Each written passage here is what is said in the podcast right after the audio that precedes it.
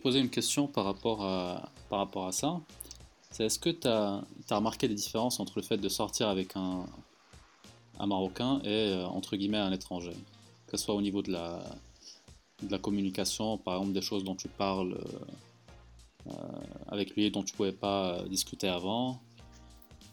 Alors, les Marocains que j'ai côtoyés, ils étaient vraiment très ouverts d'esprit. Mhm. Euh, donc c'était des gens qui étaient super euh, euh, honnêtes, authentiques et tout en étant super ouverts. Après, on, a, on discutait vraiment de tout. Je trouvais qu'il n'y avait pas de tabou. Et après, ça, ça revient à ce que je disais tout à l'heure, où c'est au niveau de la personne. Tu vois. Je ne me vois pas avec quelqu'un qui n'a pas les mêmes valeurs que moi et qui qui n'est pas aussi ouvert que moi, ou au moins assez ouvert, tu vois. Donc, euh, donc à partir de là, c'est difficile pour moi d'être avec quelqu'un qui est macho, qui est super euh, contrôle, qui contrôle tout, etc. Enfin, des trucs qui va, qui vont pas avec mes valeurs en fait. Mhm.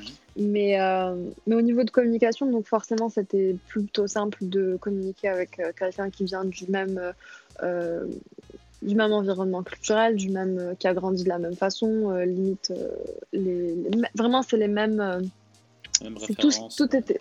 Voilà, exactement. Donc c'était plus simple. C'était vraiment très très simple. Euh, toutes les notions de hshoma, de haram, de machin, c'était très euh, simple à expliquer. Mm. Mais, euh, mais maintenant que je suis avec quelqu'un qui est, qui est étranger, qui est. C'est, je dirais compliqué. Voilà, il y a des notions que la personne ne comprend pas et que moi je ne comprends pas non plus. Euh, et ça, c'est pas de la faute de ni l'un ni l'autre, c'est juste euh, qu'on a grandi différemment et que c'est encore un, c'est un truc euh, où il faut, faut être flexible en fait. Il faut se dire que voilà, c'est pas quelqu'un qui a grandi de la même façon, donc forcément, il va pas comprendre ce que je veux dire, et moi pareil. Quoi. Donc il y a plein, y a eu plein de moments où j'étais en mode mais what, genre qu'est-ce que tu me dis?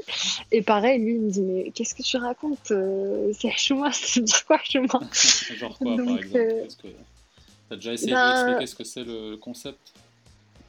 Oui, j'ai essayé, mais pour lui, il me dit, genre, quand je, je demande. Quand, tu sais, nous, quand on, est, euh, quand on va chez des gens, enfin, moi, personnellement, j'ai été éduquée comme ça. Faut pas que, genre, si.